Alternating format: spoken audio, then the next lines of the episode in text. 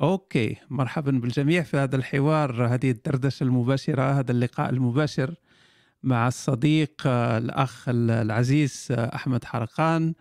آه، أنا لا أدري يعني حتى الكلمات لا أجدها لأنني أشاهد هذا الوجه البشوش هذا الوجه الذي تظهر فيه الفرحة والسعادة بعد شهور وبعد معاناة طويلة من المنشورات التي تسبب اكتئاب يعني منشورات حزينة. فننظر إلى هذا الوجه البشوش المستبشر يعني شيء جميل رائع. لا لا أجد الكلمات لأعبر عن ذلك.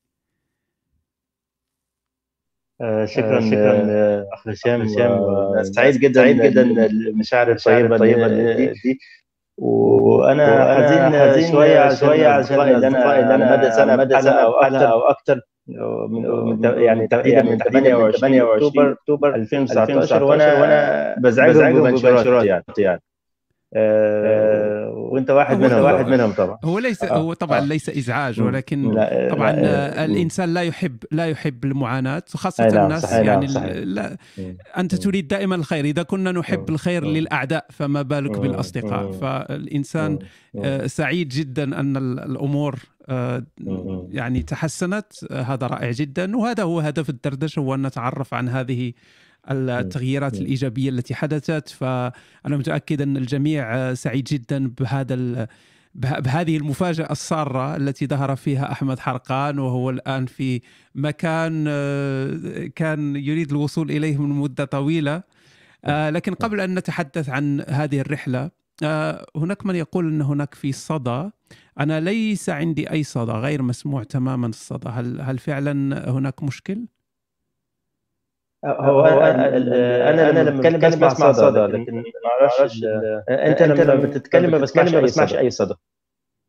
عجيب أنا لا أسمع أي صدى لكن هناك الناس يقولون أن في صدى إذا نحاول أن نجد الحل. أم أم okay الصوت عند أحمد يقولون أن الصوت عند أحمد. okay.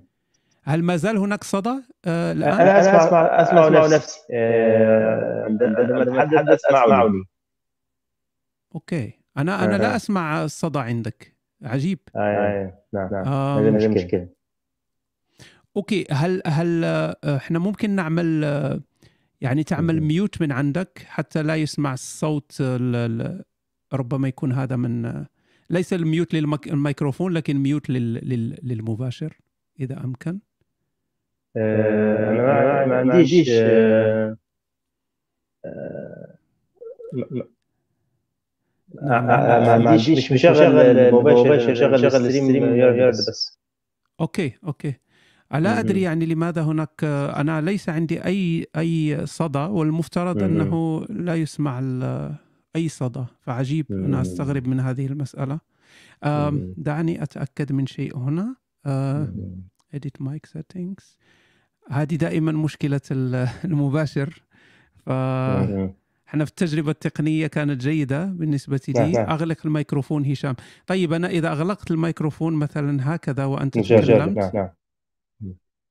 إذا أنت أغلقت الميكروفون الآن أنا لا, لا أسمع أي صدى جيد هذا حل رائع. okay اذا هذا حل وسط. اذا okay جيد جميل. اذا أنا سأعمل سأعمل mute عندما أعطيك الكلمة ونكمل بعد.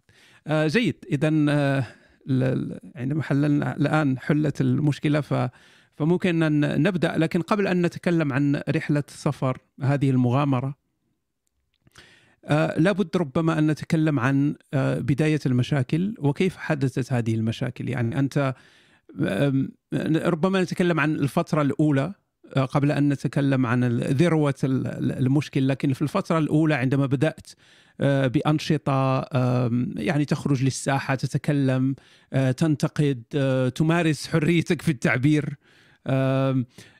كيف كيف تطورت هذه الفكرة؟ هل كنت جالس في يوم من الأيام وقلت سأقوم الآن بأنشطة أو كانت هناك إكراهات؟ ما ما هي ما هو الدافع الرئيسي الذي جعلك تفعل هذه الأمور؟ نعم في الحقيقة أو من عشر سنين في 2010 شهر 6 2010 أنا حياتي اتغيرت تماما لأن فكري اتغير تماما موقفي من الدين اتغير تماما. كان موقفي حاد ولأني كنت مصدوم في العقيدة اللي أنا عشت عليها معظم حياتي وهي عقيدة الإسلامية السنية السلفية. نشأت نشأت سلف يعني ورثت السلفية. و وليست فقط سلفية ولكن نسخة متشددة من السلفية. ف عشت في صعوبة يعني على مدى 27 سنة أحاول التأقلم مع هذه العقيدة ولكن لا أستطيع مطلقا لا أستطيع التأقلم مع هذه العقيدة. وأعاني أعاني بشدة أعاني من من من التفكير ليل نهار في من في هذه الفرق وهذه الطوائف الإسلامية وحتى السلفية على الحق. لأن كل شيخ في المنهج السلفي أو يتبنى المنهج السلفي أو الدعوة السلفية كل شيخ له طريقة وكل شيخ له فهم خاص للدين. وأنت في طاحونه يعني في في مفرمة بين هؤلاء المشايخ وأفكارهم وأتباعهم أيضا لأنهم يطاردونك. لماذا لا؟ لست مع الشيخ فلان وتمشي ورا الشيخ فلان وهو شيخ مبتدع وشيخ وكذا وكذا. وأنت في هذه الحياة القصيرة تضيع عمرك في البحث بين هذه الطوائف عن الفرقة الناجية وأيضا تشك في صلاح صلاحيته وجودة و, و, و, و وإمكانية النجاة في ظل عقيدتك الحالية بين يدي الله يوم القيامة فأنت في عناء يعني. فأنا بعد 27 سنة كابدت التعاطي مع هذه العقيدة السلفية أو العقائد المختلفة التي يتنازعها المشايخ المختلفين ف في 2010 شهر 6 أنا قررت أن كل هذه المنظومة الدينية من الأساس غير ثابتة وضعيفة وهشة وتستند إلى حدثنا وأخبارنا ولا تأوي إلى ركن الرشيد وليست من الرسوخ في شيء ولا يمكن ولا ما كان لها أن تبقى إلى الآن لولا التقليد الأعمى ولولا التوريث. وكان هذا الاكتشاف صادم جدا لدرجة أنني لم أكن أكف عن التفكير ليل نهار ووقتها أيضا أصبت بحزن شديد للغاية ويصل إلى درجة الاكتئاب الشديد الامر اللي استدعى التدخل الأطباء وتناول العقير المضاده للاكتئاب. طبعا لأن أنقذت حياتي أعتبرها أنقذت حياتي في هذه المحنة. الصدمة الرهيبة وكرب ما بعد هذه الصدمة والاستمرار في المعاناة كان كفيل وكان حافز للحديث إلى الجميع يعني. أريد أن أحدث هؤلاء الناس الذين ساهموا في تضييع 27 سنة من عمري وأقول لهم يعني للأسف أنتم لستم على شيء وخاصة لا أريد لهؤلاء أن يضيعوا أعمار المزيد من الناس. فكان ده بداية التصدي للعمل نعم كان هذا هو كانت هذه البداية أو الدفعة التي جعلتك تتكلم في هذه الأمور وتخرج للعلن. وكانت هناك يعني بدأت ربما آه، آه، دعوات من من قنوات فضائية وبدأت تظهر وبدا يعرف اسم أحمد حرقان الذي آه، يدافع عن الحقوق يدافع عن حقوق الأقليات كل هذه المشاهدات. هل هذا هو الذي تسبب لك في مشاكل مع مع السلطة في مصر عموما؟ أو كانت هناك مشاكل أخرى لا نعلمها؟ لا لا لا, لا ليست هناك أي مشاكل مع السلطة يعني أخرى ولا اتحدث في السياسة ولا اتطرق إليها. كان تركيزي منذ أن تركت ما كنت عليه سابقا هو أن أحفز المزيد من الناس على اتخاذ هذا القرار بصراحة وببساطة شديدة. التخلي عن هذه الأفكار الموروثة كلها سواء كانت إسلامية أو مسيحية أو يهودية أو غيره. وده كان هدف حياتي على مدى 10 سنين إن أنا أقنع الناس إن هم ياخدوا نفس القرار إن أنا أقول لهم إن ده ممكن إن القرار ده ممكن وإن في ناس اخذته وفي ناس كانوا متدينين جدا واخذوه أنا واحد منهم. ويمكن اللي خلى القنوات تستضيفني إن تجربة غريبة يعني. انتقل انسان سلفي من أقصى اليمين إلى أقصى كانت غريبة عليهم يعني لم يتوقعوها. وان كنت أنا عرفت أخي هشام فيما بعد أن هذه التجربة مر بها لا لا أقول مئات الشبان ولكن أقول فعلا آلاف الشبان ولكن قل منهم من يتجرأ ويتحدث. يعني أنا أعرف أعلم أنك أيضا لديك خلفية سلفية إن كنت مخطئا صحح لي يعني. صحيح. نعم نعم. وكثير أيضا من الشبان والشابات لهم نفس التجربة ولكن قلما يجرؤ أحد منهم على الحديث أنا كنت مجنونا كفاية بحيث أتحدث أمام الناس يعني. يا هو هو هذا هذه النقطة أنا بالنسبة لي كانت تشكل لي كنت أستغرب لأنه أستغرب وفي نفس الوقت أحيي هذه الشجاعة لأن آه، نحن نعرف أن مصر هي دولة يعني شعب متدين وعائلات محافظة والأمر ليس سهل أن يخرج شخص ويغرد خارج السرب يعني ليس الأمر الهين. وأكيد سيتعرض لمضايقات سيتعرض لمشاكل. فكيف لهؤلاء يعني أن تكون عندهم كل هذه الشجاعة للظهور يعني في العلن وفي قنوات تعتبر محافظة ويتكلمون هذا الكلام. فأنا كنت أستغرب. أنا شخصيا كنت أستغرب جدا من هذا من هذه الشجاعة والقدرة على فعل هذا الأمر. وكنت أستغرب كذلك وهذا سؤالي لماذا لا يفكر هؤلاء وهم يعيشون في آه، بلد يعني ممكن أن يتعرضوا فيه لمضايقات أو ربما تهديد وكما حدث لك تهديد بالقتل ومحاولة آه، محاولة اعتداءات جسدية. لماذا لا يفكر هؤلاء الناس في الخروج من من مصر؟ أن يذهبون مثلا إلى دول فيها حرية حريات فردية فيها احترام أكبر لحقوق الإنسان. فكنت أتساءل هذا السؤال ألم يخطر ببالك يعني منذ البداية هذه الإمكانية أن الخروج يعني محاولة الخروج في أقرب وقت ممكن للعيش آه، بحياة يعني كريمة وفيها حرية تعبير وحقوق الم تراودك هذه الفكرة قديما؟ يعني, يعني من حين لاخر آه كنت مفكر ربما عند عند لو لو لو تقفل المي. آه كنت بفكر آه، كتير لما يكون يائس جدا. إن المجتمع ده أنا مش آه، يعني مش من العدل إن أنا أدفع ضريبة آه، أفكار أنا ما بعتنقاش يعني أنا كنت بعتقد إن إن المشاكل والمعضلات اللي بتعاني منها مجتمعاتنا بما فيها مشكلة ال كل أدق التفاصيل. يعني بما فيها مشكلة الفقر بما فيها مشكلة حتى الزحام الشديد التلوث كل هذه الأمور التي تعيش فيها البلد التي انتمي إليها مصر. فكنت أعتقد أن ليس من العدل أن أتحمل ضريبة آه، أفكار لا انتمي إليها لا أعتقد. يعني مثلا على سبيل المثال الإنسان يعتقد أنه آه، تكاثروا تناسلوا فإني مباهم بكم. بعض الناس يفهمون من هذا النص أن أن إنه يجب أن نكثر من الاولاد إلى ابعد حد ممكن. وبالتالي آه، يملؤون المجتمع بال... يملؤون الدولة بالناس والشوارع وال... والبنية التحتية لا لا تحتمل واقتصاد لا يحتمل وما إلى ذلك. فأنت تدفع ضريبة آه، أن الناس تتكاثر وأنت لا تتكاثر بهذا الشكل يعني مثلا على سبيل المثال.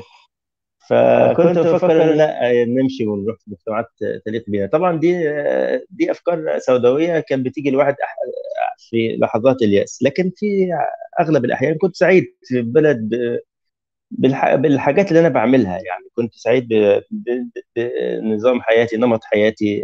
كنت بحب طبعا الحيوانات جدا القطط والكلاب واهتم بيها وأضيع وقت كتير معاهم.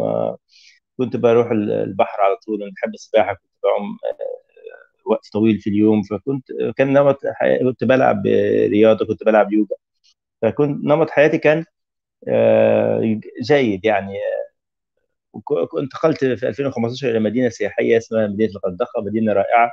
المدينة ممتعة يعني الحياة فيها جيدة. فلم أكن أفكر في مغادرة مصر بما أني سعيد يعني هنا وأيضا آه، كنت أعتقد أن مساعدة أفراد المجتمع الذي أنتمي إليه في التغير والتحرر من ما كنت ممن كنت أعتبره أغلال يعني. كان عمل في نفس الوقت ده أخلاقي وكان بيجلب لي نوع من السعادة. فبما إني موجود هنا في في مصر وبغير بالشكل ده فأنا برضو سعيد يعني. ففكرة السفر, السفر. وكلما تقدمت في العمر طبعا كلما ابتعدت فكرة السفر عنها إلى أن يعني في السنوات الأخيرة لم أعد أفكر ابدا بمغادرة مصر يعني.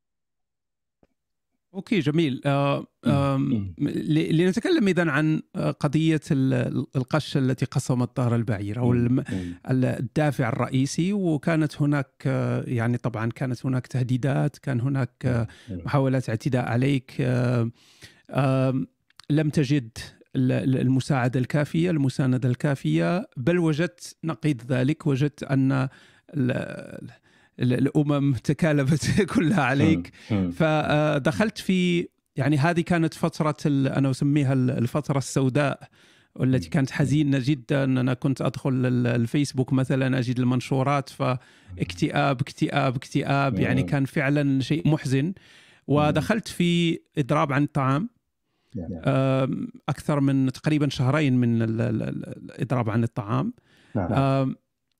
ما, ما الذي دفعك آه، ونحن نعرف أن صعوبة الأمر يعني الإضراب عن الطعام تكون دائما مثل هي آخر شيء يفعله الإنسان لأنه انتهت كل الخيارات الأخرى لم تبقى. فما الذي دفع أحمد حرقان إلى أن يجازف بحياته ويدخل في إضراب عن الطعام؟ هل هو فعلا استسلام أنه لا يوجد حل آخر؟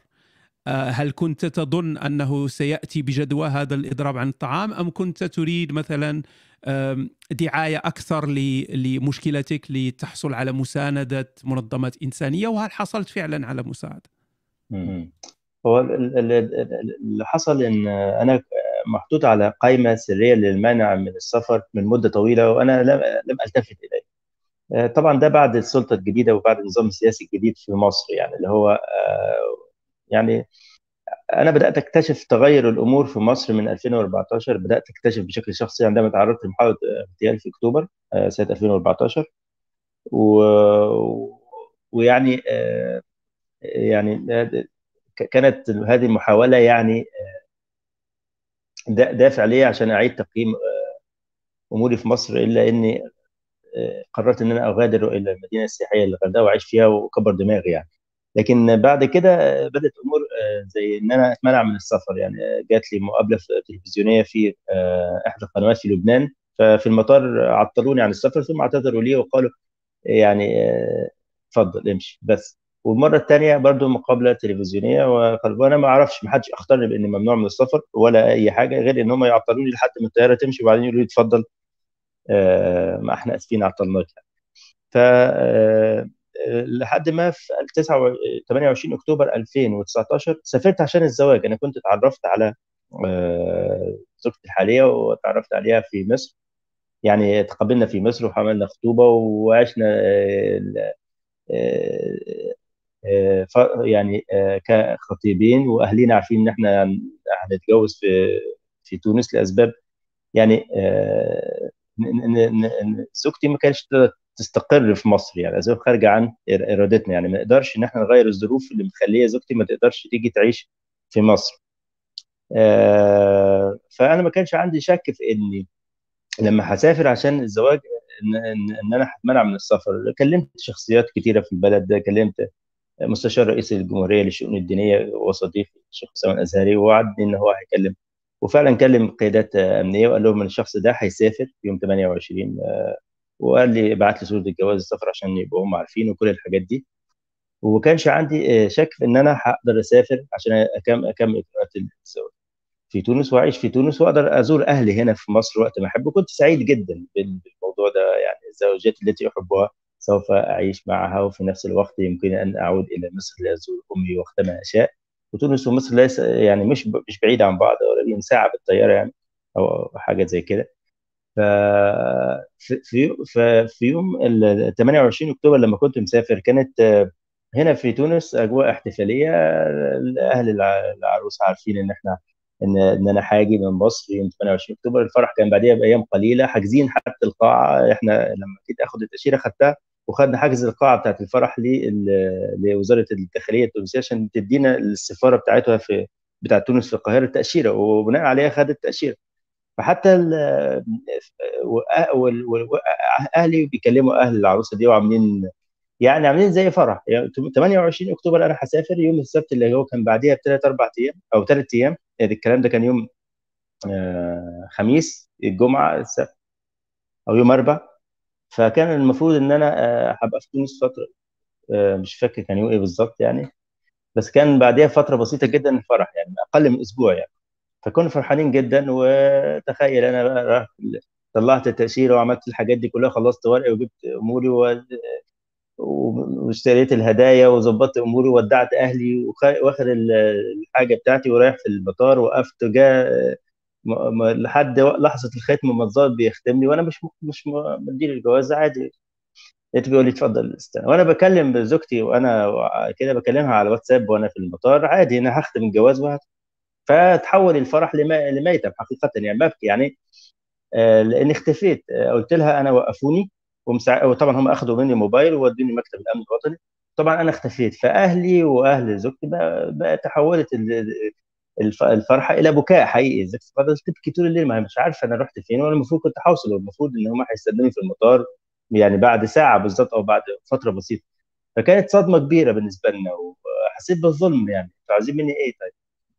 آه أنا أنا أنا لن توصل مني في قضايا آه، جنائية ولا قضيه من أي نوع ولا حتى قضيه فكر ولا أي حاجة. ومفيش أمر بالنائب العام بإن أنا أسافر. وما وحتى الداخلية أو الامن الوطني ما طلبنيش يقول لي أنت ممنوع من السفر أو مطلوب منك كذا أو مش مطلوب منك كذا. فده دي مصيبة. ف لما رحنا هل هل حصلت على معايا لما في الأمن الوطني؟ آه، أحمد آه، هل هل هل حصلت على يعني بعد كل هذا الوقت هل وصلت إلى المعلومة المهمه لا. التي هي لماذا لا لا يمنع أحمد حرقان من السفر لا, لا بالعكس الضابط آه قال لي ظباط الامن الوطني حجزوني لحد ما الطيارة مشيت وبعدين المفروض يمشوني فقابلني قابلني اثنين ظباط كده قاعدين على المكاتب بتاعتهم. ظابط منهم سيء شوية. يعني هو دايما بيديك ظابط يقعد معاك سيء وبعدين يقعد معاك الظابط الكويس. فهم كانوا أربعة اثنين السيئين بيقعدوا معاك وبعدين بعد كده يجوا الاثنين الكويسين. فقعدوا معايا الاثنين السيئين دولت. قال لي أنت آه قول لي بقى حكايتك قصتك إيه؟ قلت له أنا قصتي إيه, إيه؟ قصتي إيه؟ أنا عايز أعرف أنا واقف ليه. قال لي لا أنت وقعت مع الإنسان الغلط. أنت أنا بسألك أنت تجاوبني. وبعدين اقف ورا شوية كده و... أيوه اقف ورا شوية كده. أه خليك واقف هنا كده. يعني ما تقعدش ما تقربش من المكتب يعني وقف كويس وأنت بتكلمني يعني. قلت له قال لي آه أنت بقى إيه حكايتك؟ قلت له أنا حكايتي إن أنا مسافر دلوقتي عشان أنا فرحي كذا كذا كذا وزوجتي زوجتك اسمها إيه؟ قلت له كذا تاريخ ميلادها إيه؟ قلت له كذا. قال لي وأنت إيه اللي يخلي الأمن الوطني قلت له والله دي أنا عايز أعرف الكلام ده. ف قال لي عندك قناة كده بقى على اليوتيوب وعندك عندك قناة على اليوتيوب بقى وعندك account على الفيسبوك وكده وبتكتب عليه والكلام ده. قلت له آه. قال لي آه انت فاكر نفسك هتاخد جائزه نوبل؟ فأنا استفزني السؤال ده وأنا بصراحة يعني أقول له لا مش هاخد جائزه نوبل. قلت له لا. قلت له آه فاكر نفسي هاخد جائزه قلت له آه أتمنى أخد جائزه نوبل. فقال لي على إيه يعني تاخد نوبل لا مش هتاخدها. قلت له قلت له لا هاخدها. استغرب آه، آه، إيه إيه علاقة آه، النقاش بتاعنا بجائزة نوبل يعني. بس دي مصر على كل حال. المهم قال لي طب اطلع بره رحت قعدت بره وهم كذا مرة يطلبني وأنا ماشي من الغرفة يقعد يشتم وبتاع والكلام ده ببقى سامعه أنا بس مش مشكلة. بعد كده جه بقى الظابط المهذب الظابطين دول بقى مشوا وبعد كده طلب من الظابطين تانيين في ظابط منهم مهذب اتفضل أول ما جيت اتفضل اقعد طب مش نقعد بعيد بقى مش اقعد بعيد أقف بعيد لا اتفضل اقعد أنت عندك شانل على اليوتيوب و... وأنت فكرك كذا أنت آه،. و... وإيه الفرق بين العلمانية والإسلام بيسالك إيه الفرق بين العلمانية والإلحاد و... وبعد نقاش طويل وحوار طويل قال لي بالنقاش يعني. قلت له أنا ممنوع لي مسافر قال لي أنا ما أعرفش. آه، بس أنت الأمن الوطني في البلد اللي أنت عايش فيها آه، يعني ما حطك على قائمة منع من السفر. وإحنا أو أو أو هو اللي بدي تعليمات ان أنت ما تسافرش. قلت له دي الحل فيها إيه؟ قال لي الحل إن أنت قال لي ما فيش حل. الحل إن هي تيجي هنا زوجتك تيجي هنا. قلت له لا ده متعذر جدا لدرجة الاستحالة يعني لأسباب معينة ذكرتها للظابط ده يعني ما بحبش يعني مش يعني مش مش مهم يعني إن أنا أقولها على للناس يعني لكن قال لي آه قال لي أوكي مفهوم خلاص روح لهم في الامن الوطني الضابط اللي ماسك الملف بتاعك آه روح له قول له كذا كذا كذا. فما كدبش وبعدين اعطاني الجواز بتاعي آسفين آسفين على آسفين جدا على تأخيرك وكلام من ده. قلت له مش تأخير ده المشكلة حولته لعرس المأتم ورحت الاسكندريه ورحت الأمن الوطني. آه قالوا لي ما حدش آه طلب منك إن أنت تيجي آه في إدارة الأمن ما حدش طلب منك إن أنت تيجي. فقلت لهم أنا يعني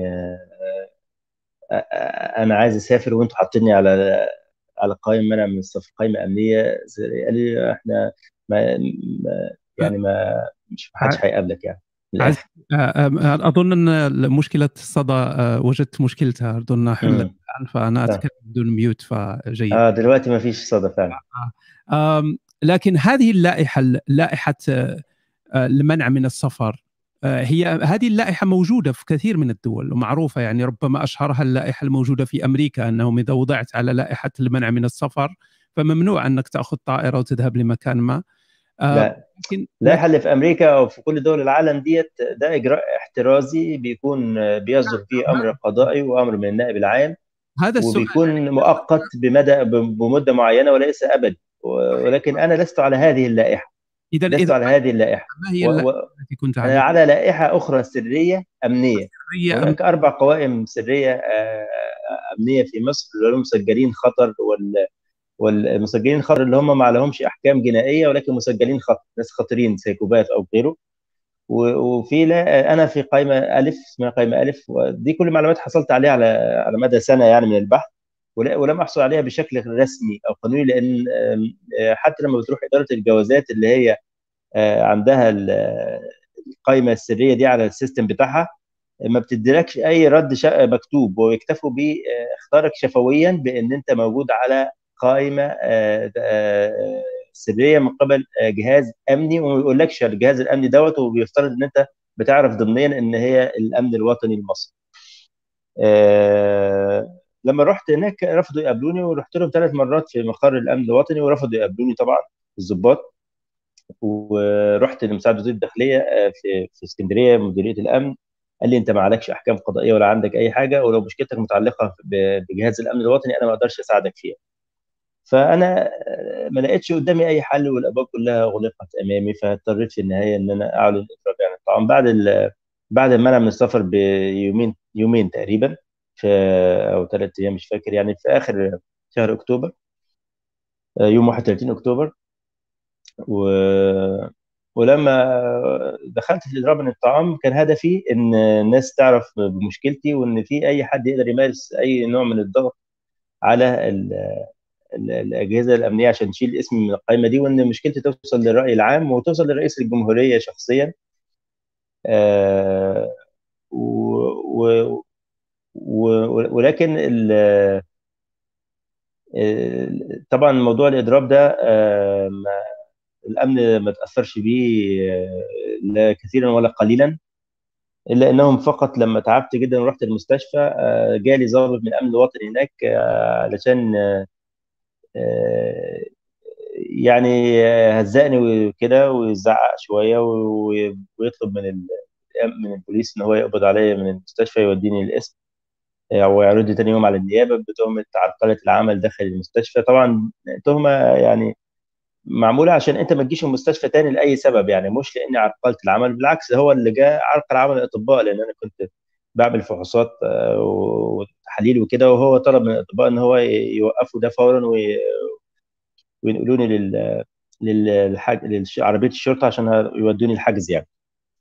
ده كان كل عمله الأمن في الفترة ديت قلنا البيت برضو آه الأمن وقالوا عشان إحنا ناخد معلومات عن الأسرة عشان هذا هذا جانب عزيزي هذا من جانب الأمن يعني لم يكن هناك اكتراث بالعكس هم زادوا الطين بلة وكان في تضييق أكثر. لكن من جانب آه، لا نقول فقط من جانب الأصدقاء لأن الأصدقاء أكيد كانوا متعاطفين مع القضية لكن من جانب لا يعني على العموم لكن إيه. لكن من جانب المنظمات الإنسانية عادة عندما يكون مثل هذا تحدث مثل هذه الأمور تجد تعاطف أو تجد خطوات يعني هل كانت هناك خطوات عملية للمساعدة من طرف هذه المنظمات أم كانت فقط مسألة مقالات هنا وهنا أو أخبار هنا وهنا؟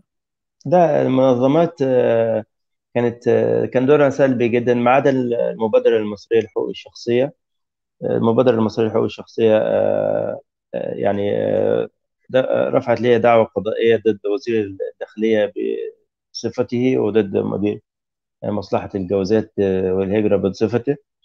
وخسروا القضية ديت وكان الحكم مضحك جدا. الحكم كان الحكم القضائي كان في منتهى الظرف يعني. قالوا إن هو من حق الأمن إن هو يمنع الناس من السفر آه، حفاظا على سمعة البلاد في الخارج أو لأنه مش عارف إيه والكلام من ده حكم غريب الشكل يعني ما غير دستوري لأن الدستور ما بيكفل حق السفر وما, وما بيعطيش أي حد سلطة إن هو يمنعك من السفر إلا القاضي وبيكون إجراء احترازي وليس إجراء آه هكذا مفتوح إلى الأبد يعني. آه غير كده المؤسسات حتى منظمة العفو الدولية اللي أنا كنت عضو يعني فيها انتسبت ليها من كما ينتمي لها الآلاف البشر يعني اديتهم ماليه الاستماره بتاعتهم إلا أنهم حتى دول رفضوا إن هم يساعدوني تماما. حتى زوجتي في تونس هنا راحت لهم المكتب وأنا مضرب عن الطعام أكثر من مرة وقالوا لها لا إحنا مش ده مصر مليانة مشاكل ومليانة ناس معتقلين وناس كذا وكذا وإحنا ما عندناش وقت نغطي كل المشاكل دي ببساطة قالت لهم يعني. وكان في استهانة كبيرة بالمشكلة بتاعتنا أنا وزوجتي لانها لأن أنا خارج السجن. وده ده نوع من أنواع ال يعني الحول يعني. لأن المفروض ان أنت المعاناة مش بشكلها يعني المفروض إن لو تعمقت في في المشكلة بتاعتي أنا وزوجتي دي هتلاقيها معاناه جسيمة مش صغيرة. وأنا كنت آه، يعني آه، في وضع نفسي سيء بسبب حقيقة المعاناة دي. يعني المعاناة آه، شديدة جدا. الزوجة اللي هي كانت المفروض تكون مع زوجها دلوقتي وفرحانة لأ قلقانه على حياته وقلقانه على وضعه. وممنوع إلى أجل غير مسمى ومش عارفة مستقبل علاقتهم وبتحب جوزها جدا وهو كمان بيحبها جدا ما يقدروش يعيشوا من غير بعض. وفي نفس الوقت ما فيش أمل إن هم يبقوا مع بعض وما فيش أي ردود عليهم وما فيش أي بادرة إن مشكلتهم دي أو أو أو محنتهم دي هتنتهي يوما ما. الكلام ده نظري ممكن تقوله غير مكترث لكن لما الناس يكونوا في الوضع ده حقيقه بيشعروا بطريقة مختلفة. يمكن أسوأ من الواحد يكون في السجن وعليه حكم عارف هو هيخلص إمتى يعني. وتنتهي مشكلته. صحيح. انت ما في مشكلة ملهاش حل. وكان الواحد بيتألم مجرد ما يعني أنا كنت أحيانا بتحاشى إن أنا أكلم زوجتي في الماسنجر علشان أنا مش بتألم لما أشوفها يعني. بتألم لما اشوفها بشوفها حزينة و ولما أبص في عينيها كده بتألم جدا. فكنت بتحاشى كتير إن أنا أكلمها أو ارد عليها أو أو, أو نتكلم مع بعض فيديو. يعني صعب يعني الوضع كان صعب على مدى سنة مش عارفين فيها. وبعدين دخلت في اضراب وده تعب كل أهلي بما فيهم زوجتي آه، هنا. في تونس وأهلي في مصر والدتي تحديدا تعبت جدا. فكان وحتى والدتي كانت حزينة طول الوقت برضه بشكل مؤذي ليا يعني حتى بعد ما فكيت كانت حزينة لأنها شايفة ابنها يعني تقول لي حالك واقف يعني أنت عاوزني أبقى مبسوطة وأنا شايفة حالك واقف يعني بالمصري حالك واقف يعني آه، حد بيضيع في عمرك وحياتك وانت مش عارف تعمل إيه فكان جو كانت مأساة حقيقية يعني. وإحساسك بالظلم لأنك أنت لا محكوم ولا متهم ولا مطلوب منك حاجة واتخذ منك اجراء إجراء تجاهك إجراء من طرف واحد آه، بدون يعني بدون بدون ما حد يقول لك أنت مطلوب منك إيه عشان تصح الموقف اللي أنت فيه ده. فكانت حاجة فيها في منتهى الاستفزاز وكأنه إجراء انتقام يعني. آه مفهوم مفهوم أكيد. آه.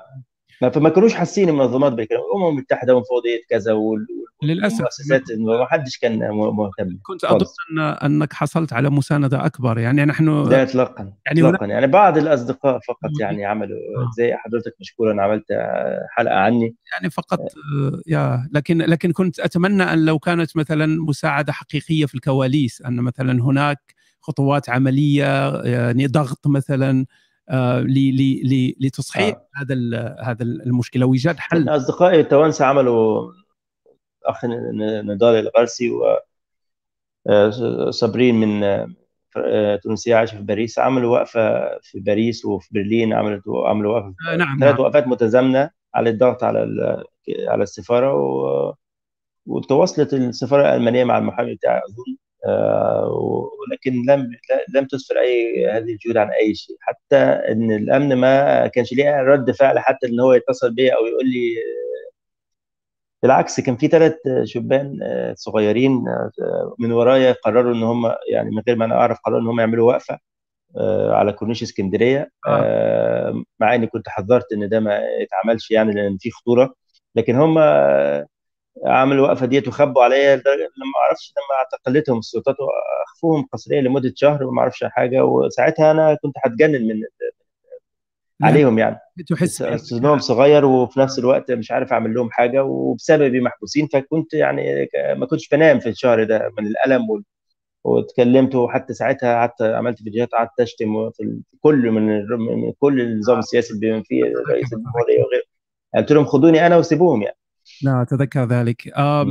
دعنا ننتقل إلى إلى يعني ما بعد الإضراب عن الطعام ويعني كيف كيف بدأ التخطيط لفكره المغامرة؟ أنا أسميها مغامرة لأن ليست فقط مسألة سفر أو أو آه، طريق فقط آه، ستمشي فيها لكن هي هي أكثر أقرب منها للمغامرة مغامرة حقيقية فيها مجازفة كبيرة. كيف بدأ التفكير؟ هل كان بنصيحة من أصدقاء أم أنت توصلت لهذه الخطة؟ هل كان هناك فعلا تخطيط أم كانت كان قرار سريع؟ لا كان في تخطيط تخطيط كان في تخطيط وتخطيط محكم. آه، اولا أنت انت وأنت مضرب عن الطعام بيبقى بتبقى عندك صفاء ذهني رهيب بعد بعد يومين ثلاثة بتنسى موضوع الأكل ده خالص ما بتجوعش وبتبقى عندك آه، مخك بيشتغل كويس ما تعرفش ليه يعني. وأنا آه، خططت الموضوع ده وأنا وأنا مضرب عن الطعام. في آخر أيام اضرب عن الطعام أنا فكيت لي اضرب عن الطعام وعلقته ب... ب... وأنا مبتسم يعني عشان كنت عارف أنا هعمل إيه. فده كان في بدري جدا في أول في أول سنة 2020 يعني. آه، ناس كتير نصحتني بالهجرة في الكومنتات وبالهجرة غير الشرعيه وكنت بكتب لهم لا طبعا أنا ما بفكرش في الموضوع ده لأن أنا أصلا مش عاوز حد ابدا يعرف إن أنا بفكر في الموضوع ده. نعم نعم. آه، كنت عاوز الأمن يكون عنده اقتناع تام إن أنا ما بفكرش في الموضوع ده علشان أقدر أخلع يعني لو إن في مراقبه للبيت أو كده. وكنت حريص إن تليفوني ما يفارقنيش عشان هم يبقوا مطمنين لموقعي من خلال استخدامي للموبايل. إلا اليوم اللي مشيت فيه بس كنت سايب الموبايل في البيت مفتوح وشغال وكل حاجة وكانت زوجتي بتكتب بوستات على الفيسبوك من تونس. آه. معاها ال password معاها كل حاجة. okay جميل. وسبت الموبايل في البيت ومشيت على طول. ما توقفتش إلا بعد ما سبت الحدود ركبت القطر وصلنا أقصى نقطة في الجنوب لو تكلمنا عن عن لو تكلمنا عن الخطوط العريضة لهذا المخطط يعني أنت خططت آه. أنك تذهب طبعا هي رحلة للخروج من من مصر والذهاب إلى تونس ف... الخطة ما كان الخطه إن أنا ما أروحش عن طريق ليبيا لأن okay. ليبيا خطرة جدا فكنت خطر. أروح خطتي كانت إن أنا أروح السودان ومن السودان لتشاد ومن تشاد للنيجر ومن النيجر للجزائر وأدخل آه، تونس من الغرب غرب تونس آه، دي كانت الخطة. الجزائر آه، آه، كانت كان في حاجات معينة لازم تتظبط قبل ما أمشي فكان لازم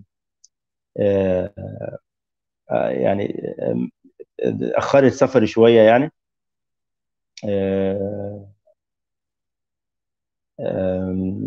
ولما سافرت بقى لما اتحركت وكده ما توقفتش إلا شوية في الخرطوم توقفت حوالي شهر في الخرطوم علشان كنت بحاول إن أسافر من الخرطوم بطريقة شرعية إلى تونس بالطيران أو إلى دولة أوروبية ومنها إلى تونس مثلا أو أتلقى أي نوع من المساعدة من أي منظمة تسفرني لكن أخفقت كل محاولاتي يعني في كده فاضطريت إن أنا أستأنف الرحلة من الخرطوم إلى تشاد وهكذا. لكن قبل قبل الدخول إلى السودان آه، يعني الواحد يتخيل يعني أنا لا أعرف الحدود المصرية السودانية كيف؟ يعني هل هل كان المرور من مصر إلى السودان بسيط أم كانت هناك لا. ما كانش بسيط طبعا. الفكرة آه، أنا عايز أقول إن بس في الأول إن أنا مش يعني مش مع إن الواحد إن الناس تسيب البلد بتاعتها بشكل غير شرعي يعني. وإن أنا يعني حريص على إن في ناس كتير ناس يعني مش كويسين أو عليهم قضايا جنائية إن هم ما يستفيدوش من حكاية إن هم ممكن يهربوا من البلد أو من العدالة بشكل أو بآخر. يعني ما بشجعش العمل أي أعمال غير شرعية أو مخالفة للقانون لكن أنا كنت مظلوم جدا. وأعرف إن في ناس كتير مظلومين زيي وأتمنى إن هم يعني يخلصوا وينجوا بأنفسهم ويتحرروا. آه، غير كده ما أتمناش إن الناس تسافر غير بطريقه شرعية في الطيارة زي ما الناس كلها تسافر أو في. الباص أو في أي حاجة. الحدود الجنوبية كانت بالنسبة لي لما بصيت على الخريطة أنا أصلا كل تخطيطي كان باستخدام ال Google Maps آه، فلما بصيت على الخريطة وأنا كنت لسه في الإضراب عن الطعام كنت ب... ب... ماسك Google Earth و Google Maps على طول قاعد بشوف أنا ممكن أروح فين وإزاي وكده معظم الوقت يعني. ففي كذا طريق آه، كان قدامي. منهم اللي أنا أعدي خليج العقبة سباحة ودي حاجة بتقنها جدا. وبعدين جت الكورونا آه، قفلت قفلت الخيار ده لأن المدن السياحية اللي هي زي مدينة طابة السياحيه نعم. وكده ما كانت مقفولة. كانت اتقفلت عشان الكورونا المدة وجودي هناك كان هيبقى مريب لأن مفيش سياح ولا حاجة ما كنتش عارف أدخل بشكل أو بآخر وأعدي يعني سباحة. كان في فكرة تانية إن أنا آه، أروح عن طريق ليبيا. طبعا دي استبعدتها عشان خطورة ليبيا خصوصا المنطقة الشرقية عشان آه، قوات آه، خليفة حفتر اللي هو الجيش الوطني الليبي. خفت اللي هم يمسكوني ويسلموني لمصر تبقى مشكلة يعني. أو ما يسلمونيش حتى ممكن يدوني رصاص في دماغي نعم. وتنتهي الحكاية. ففكرت في الجنوب. الجنوب لما مسكت الخريطة لقيت إن فيها في أقصى الجنوب مدينة مصرية على حدود السودان مباشرة يعني. ما بينها وما بين أقرب مدينة سودانية اللي هي حلفه تقريبا 70 كيلو. وهي دي المسافة اللي أنا مشيتها. فسافرت عملت معاينة للمدينة دي يعني. كان سبت موبايلي في البيت وسافرت. كنت لسه مضرب عن الطعام. وبيت ليلة في المدينة دي في الشارع على على ضفة البحيرة دي. بحاول أفهم المكان. وبعدين لحد الصبح رحت المعبد معبد الزنبر معبد مشهور آه، أثري يعني أيام القدماء المصريين. زرت المعبد ده وروحت تاني على طول على آه، اسكندرية وأول ما روحت قلت لأمي أنا هاكل. عملت لي هي ما تعرفش أنا كنت فين ولا جيت ما قلتش لأي حد أي حاجة لغاية ما سافرت يعني. ما حدش كان يعرف أي حاجة طول المدة دي اطلاقا يعني. ف قلت لها اعملي لي حاجة عملت لي زي شربة خضار شربت المرقة بتاعها معدتي ما كانتش واخدة على الأكل. طبعا system معين هي عملته لي عشان أعرف آكل بعد كده. وكانت فرحانة جدا إن أنا فكيت الاضطراب و... و... وكنت فاهم كل الناس إن أنا ما قداميش غير إن أنا أكتب بوستات على الفيسبوك آه، أضغط عشان حقي و... وأستنى حكم المحكمة. وأنا كنتش مقتنع إن المحكمة هتجيب لي حاجة يعني أنا عارف كويس جدا مصر ماشية إزاي يعني. آه، ف وكنت عارف إن مفيش حد حل مع الأمن الوطني اطلاقا إن هو مش هيسمح لي إن أنا أسافر ابدا يعني بأي شكل من الأشكال. كنت متأكد من كده. آه، بس كان لازم شوية حتى زوجتي ما كانتش تعرف أنا بفكر في إيه ولا أي حاجة وكنت بس بقول لها هانت كل ما أكلمها أقول لها هانت فتقول لي آه، أنا بسمع الكلمة دي بتفائل بس يعني ما أيام بتمر ومفيش أي تقدم فأقول لها خليكي كده متفائلة كل ما أقولها لك ماذا أخفيت هذه هذه المعلومات؟ هل هو إخفاء من أجل السرية التامة أن تكون أنت الوحيد الذي يعرف آه. كان الهدف هو السرية صح؟ امم بالظبط السرية تامه لأن ما أعرفش مين بيسمعني ومين بي... ما أعرفش يعني كل الجدل حوالين مراقبة وسائل التواصل أو المحادثات أو تطبيقات المحاسبة أو كده ده يعني حبيت أخرج منه من الريسك ده كله بإن أنا أكتم يعني في في, في نفسي. فكنت أحيانا بقى يعني كنت أحيانا ممكن أتكلم مع الناس في الفكرة ديت أو أفكار مشابهة بس من باب الدردشة يعني كأن لأن وارد جدا وأنت في الظروف دي تفكر في الموضوع ده أو تدرسه أو كده لكن مش وارد أنت تكون بتفكر بالجدية اللي أنا كنت بفكر بيها. أوكي. آه، وصلت اذا وصلت اذا إلى هذه القرية الصغيرة في الحدود. هي مدينة مدينة سياحية اسمها أبو سمبل. سياحية في في الجنوب وانطلقت آه، من هناك مشيا على الأقدام حتى تجاوزت الحدود أو كيف؟ عبرت الضفة للضفة الأخرى عبرت البحيرة للضفة الأخرى مع الصياد ممكن تنزل في أبو سمبل تاخد نزهة في البحيرة ممكن تتفق مع صياد يعديك هو المفروض يعني آه، إن حد يتعاون معاك في إن أنت تعدي للناحيه الثانية أوكي. يعني الناحية الثانية هي هي عبرت الحدود الآن. لا الناحية الثانية من البحيرة آه، ديت أنت بتبقى في الجهة المقابلة في برضه في مصر للبحيرة. اللي بتمشي 70 كيلو في الصحراء. المفروض إن أنا أمشي بحذر شديد جدا آه، في المنطقة ديت ولازم يكون في الظلام طبعا. آه، ولازم وانت بتعبر البحيره يكون ده يكون في الظلام برضه عشان خاطر المجرات اللي هي بتاعت نعم. كانت كانت ليلة طويلة. كانت ليلة طويلة لأن كان كان فعلا الوزارات المصرية اللي هي بتاعت اللانشات دي بت بتمشط البحيرة وكان بيضربوا الكشافات على كل حتة فيها كده عشان يكشفوا إذا كان حد بيعدي ولا لأ و... وكان كان كتير من الأدرينالين في الليلة ديت لأن الكشافات كانت بتكشف حتى المكان اللي أنا كنت فيه. أنت قعدت مستخبي في, في على ضفه البحيرة ديت يومين علشان خاطر أقدر أتحرك يعني. استخبيت في الشجر اللي اسمه اسمه ليس الغردقة لا اسمه الإيه؟ إيه؟ شجر صحراوي كده بين أوكي. آه لكن أنت أنت مشيت يعني ونحن نعلم أن الصحراء آه، من أصعب المناطق آه، بالنسبة للإنسان الذي لا يعرف المكان. لا يعرف الصحراء. هو ممكن أن تضيع في الصحراء. لا معاه كان معايا ال GPS. آه كان معايا power bank وكان معايا أنا قدرت أستخدم الطاقة الشمسية عشان خاطر آه، أشحن الموبايل آه، من خلال اللوح بتاع الطاقة الشمسية يعني. آه بالنسبة للي بالليل كان معايا شحن كفاية وكان معايا GPS وفي نفس الوقت أنا اتعلمت أستخدم النجوم. يعني أنا ما كنتش ب... ما كنتش ب... يعني ببص على ال GPS ده إلا قليلا في التليفون إلا قليلا جدا. وكنت بحط ال... يعني راسي من الموبايل من هنا كده بحط الموبايل من تحت الأول قبل ما أشغله عشان الضوء بتاعه. أنا بس ببقى شايف الضوء وأخفض الضوء على أقل قدر ممكن وأقعد على الأرض وأشوف هل أنا ماشي صح ولا لأ. غالبا كنت ببقى ماشي صح لأن أنا اتعلمت أمشي مع مع النجوم يعني.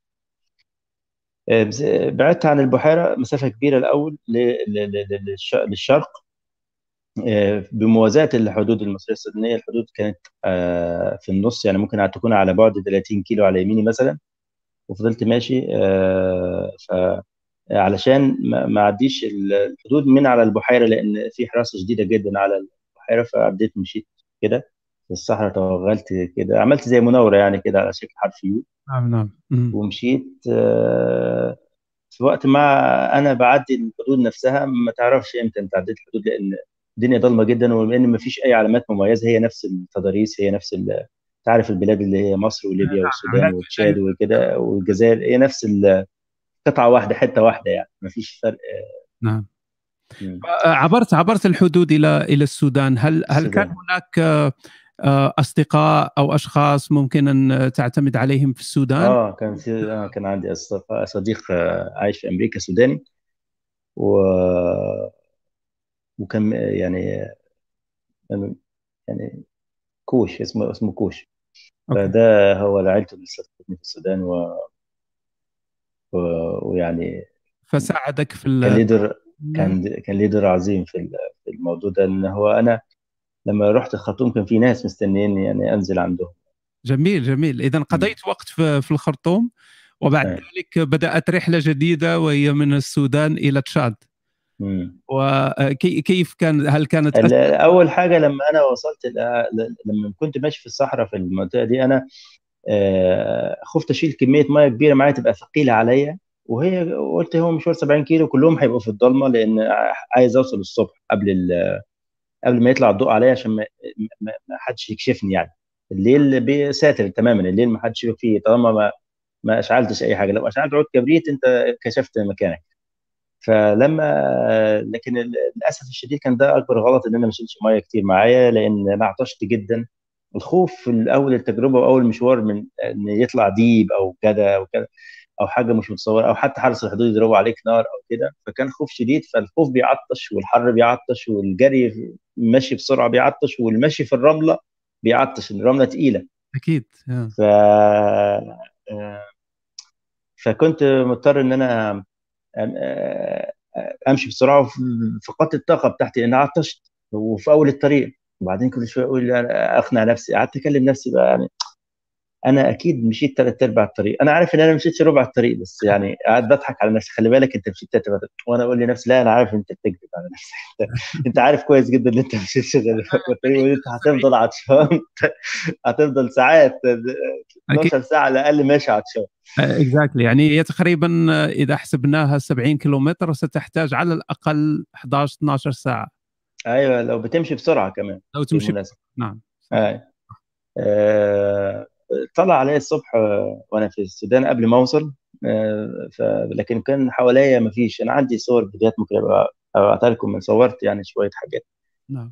آه صورت فيديوهات في الرحلة كلها صورت وأنا لما وصلت. صورت أول قرية وصلت أول يافطة على تبين إننا في السودان أو في قرية معينة. صورت مشارف حلفة لما وصلت لها. ولما وصلت حلفة كنت الخطوة الواحدة بالنسبة لي مؤلمة. خطوة الخطوه الواحده ماشي مؤلمة بسبب الرمل. بسبب إن أنت إن أنا لما رجلي بتنزل في الرمل وأحتاج اطلعها مجهود مرهق جدا ومش قادر بقى خلاص مش قادر لدرجة إن أنا فكرت إن أنا أنام وازحف بقى يعني خلاص يعني جبت اخر مع إني شايف المدينة قدامي بس بعيدة مش بتقرب يعني تمشي وهي مش بتقرب. لما وصلت ما أقدرش أقول لك كنت سعيد قد إيه يعني. أنا كنت بهدم العطش في الآخر الجنة بتاعت المية قدامي هي الحل أنا بعد كده هعمل تمثال للمية دي. أنا لازم لازم تبقى التلفزيونات تذيع ليل نهار صور شلالات ومية. الدنيا كانت بالنسبة لي كلها مية والعالم. قلت أنا أول ما أوصل لمراتي في تونس هنقعد نشرب مية. لما وصلت الحلفة وصلت من الشمال هناك في مقابر. يعطيها آه، تصبح عندها قيمة أكبر الأشياء التي نعتقد أن لا نفكر فيها. مثلا الماء لا يفكر فيه لأنه موجود لكن عندما تحتاج الماء وتصبح المسألة مسألة حياة وموت يصبح الماء هو كل شيء. كل شيء كان بالنسبة لي كل شيء كل حاجة. يعني لدرجة إن أنا قلت لو ديب طلع عليا دلوقتي هيكون عطشان فأكيد أنا وهو هنروح ندور على المية. القصص الآن. آه كان بالنسبة لي المية دي يعني فماشي يعني ممكن ل 40 كيلو بفكر بس آه، في المية كل حياتي مية كل حاجة مية. حدثنا آه، آه، أخ أحمد عن الرحلة الآن من السودان. يعني بعد أول ما وصلت حلفة أنا وصلت طبعا لقيت مية. قلت السودانيين هيبقى كرمة جدا. لو حاطين مية في الشارع لقيتهم كرمة جدا في المية لدرجة إن كل حاجة في كل مكان أي حتة تروح فيها في السودان في أي مكان في السودان هتلاقي كيزان المية. آه صباره نعم. بتاعت المية وكيزان المية وكيزان كبيره الجو حر فالناس بتشرب كتير فالمية ديت يعني في كل مكان. يعني المقابر نفسها دي أول مكان وصلت فيه في شمال حلفا كان المقابر المقابر نفسها فيها مية. لقيت إزازة مية كبيرة شربت طبعا تحت خمس دقائق وكملت. كل مكان تروح فيه مطعم تلاقي مية. ست في حاجة اسمها في السودان ست شاي بتبقى. حاطه آه، شاي بتعمل شاي وقهوة الشاي بتعمله الستات في السودان. مش قهوة عندنا. القهوة تبقى دايما آه، القهوة عندهم مكان حاجة اسمها ست شاي. ست قاعدة وحاطة كراسي كتير حوالينها كده وبتعمل شاي وقهوة وكل حاجة. القهوة بتاعتهم ممتازة والشاي وكل حاجة بيعملوها السودانيين. شعب جميل السودان في كل حاجة يعني. ف وشكرا ليهم على المية اللي شربتها هناك. قعدت أشرب كتير قوي في السودان بعد الرحلة دي. آه، آه، لما وصلت حلفا خلعت آه، جبت الفلوس بتاعتي كلها المصرية وفي حد هناك ساعدني يعني توسمت الخير في شخص كده غيرها لي كلها لفلوس مصرية وقلت له أنا عايز أشتري كل حاجة سودانية بقى صوت سوداني كل حاجة سوداني اشتريت طاقية سوداني وعراكي سوداني ولبس سوداني بالكامل غيرت لبسي المصري وطلعت في أول مشروع اللي هو الميكروباص يعني لدونجولا. ومن دونجولا ركبت الخرطوم على مدى على طول الطريق البوابات وال آه، أحمد عطشان. لا دلوقتي مش عطشان. وأنا عندي مية كتير دايما. بتلاقي عندي المية دايما. هتلاقي المية جاية في كل حتة. مش إزازة مية. آه، اشربوا مية يا جماعة. المهم أنا في في الطريق ما فيش أي حد وقفني بوابات في السودان يعني ما فيش ما فيش حد كل كل حتى لو في حد وقفني يبص لنا كده في السيارة والحمد لله على السلامة. لحد ما وصلت الخرطوم طبعا كوش أهله عملوا معايا الواجب وزيادة. عيلتي وأهلي لحد دلوقتي بعتبرهم أهلي بتواصل معاهم حبايبي يعني. أنا يعني كنت واحد من أسرتهم. آه رحت للمفوضيه بتاعت الأمم المتحدة في السودان. قالوا لي إحنا آه ما بيدوش لجوء للسودانيين للعرب ما فيش طلب لجوء للعرب أو للمصريين. ف طبعا قدمت الملف بتاع السفارة السورية السفارات الأجنبية. قلت لهم عايز تساعدوني إن أنا أكمل رحلتي حتى زوجتي بعتت تاني لمرة للرئيس الوزراء الكندي كانت بعتت له وأنا في مصر. وهو برضه زي المرة الأولانية رد عليها في أقل من 24 ساعة بس قال لها بعتها لوزير الهجرة. وطبعا الكورونا مبطئه كل حاجة والدنيا فقررت إن أنا أكمل الاتشاب يعني كانت كان لم لم تحصل على المنشود هناك. يعني هو حصلت على المساعدة يعني الناس الذين استقبلوك لكن لم تحصل على آه، فرصة اخذ الطائرة مثلا والذهاب إلى إلى لا.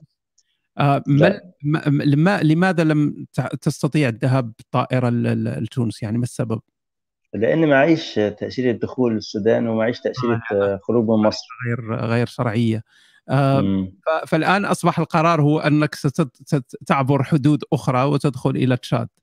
آه، كل حاجة كانت في ذهني من الأول يعني. الفكرة دي ما كانتش غريبة عليا أنا عامل حسابي عليها من الأول يعني. يعني موطن نفسي إن أنا هعمل كده يعني. كيف كيف كان هذا العبور؟ كيف كان هذا العبور؟ هل كان أسهل أو. أصعب من لا لا مش سهل. لا مش سهل. مش سهل لا. ما هي صعوبة في هذا العبور أول صعوبة هتقابلك إن أنت خايف آه، وأنت بتمشي داخل البلد إن أنت آه، بوابة توقفك وأنت معكش ختم دخول فيتم ترحيلك لمصر. فكان عليا إن أنا أبقى أغامر. آه، في احيان معينة كنت بنزل قبل البوابة ألف حوالينها شكل حرف يو كده وأرجع تاني أركب مواصله من بعديها. في أماكن في أماكن معينة كان لازم الواحد يستخبى آه، في في وسط الافارقه وما يبينش وشه ولا ولا ايديه ولا رجليه عشان ما حدش يشوف بشرته يستخبى في وسطهم كده في وسط العربية وكده ويدخل البلد بالليل. يعني أماكن معينة دخلتها بالليل. آه، مثلا بوابة طينة السودانية دي أقرب منطقة للحدود الشهريه دي دخلتها بالليل في الضلمة وفي وسط الأفارقة. الراجل جاب الكشاف كده اللي هو بتاع البوابة وقعد يبص للوشوش. ما شافش وش شاف شاف سودانيين بس. آه لو كان شاف وشي كان هيوقفني ممكن يرجعني تاني من الأول وجديد يعني.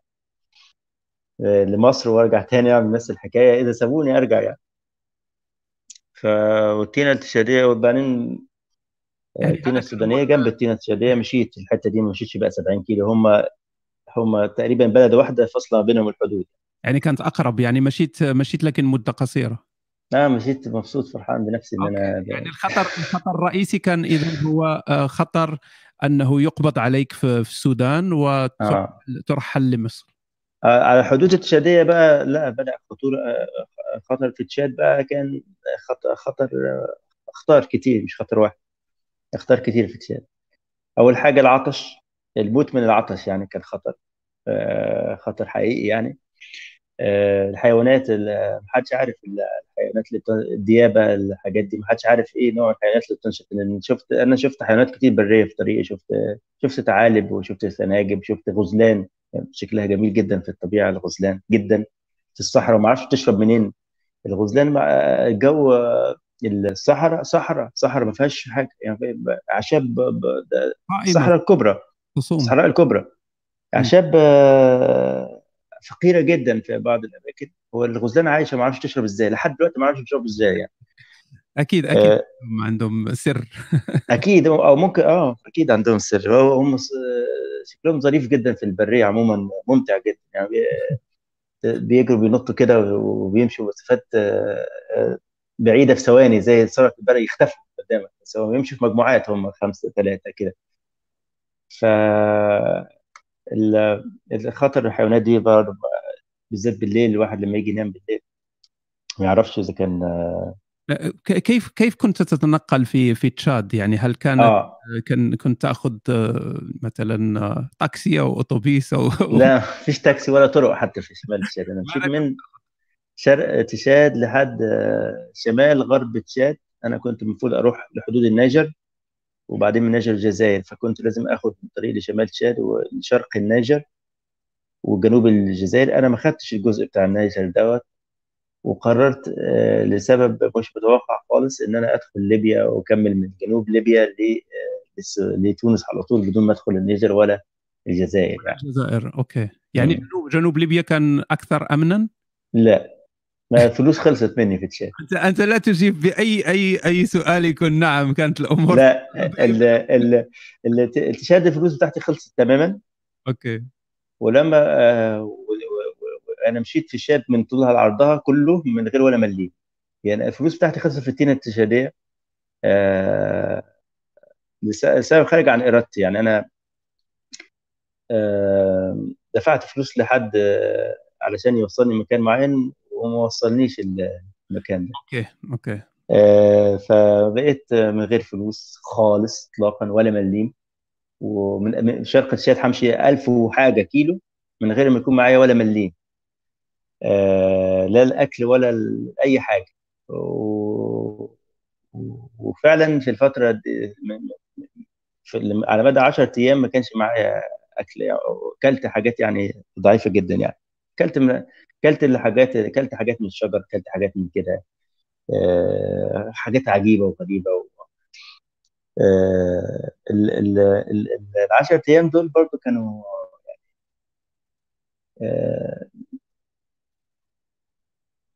ما أعرفش بعدين هعمل إيه ما أنا ما أعرفش لما أوصل لحدود النيجر هكمل إزاي ما أعرفش مين هيحول لي هناك في الصحراء الكبرى ما فيش وسط في الصحراء الكبرى.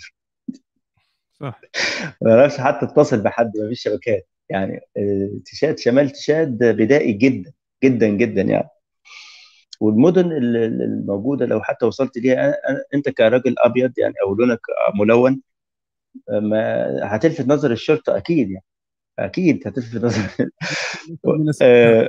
لست من سكان المكان. أيوه ده واحد في ليبيا بيقول لي آه، واحد آه, آه، في في في تشات ف فكنا بنستخبي في حتة بيقول لي أنت أنت لو طلعت من المكان ده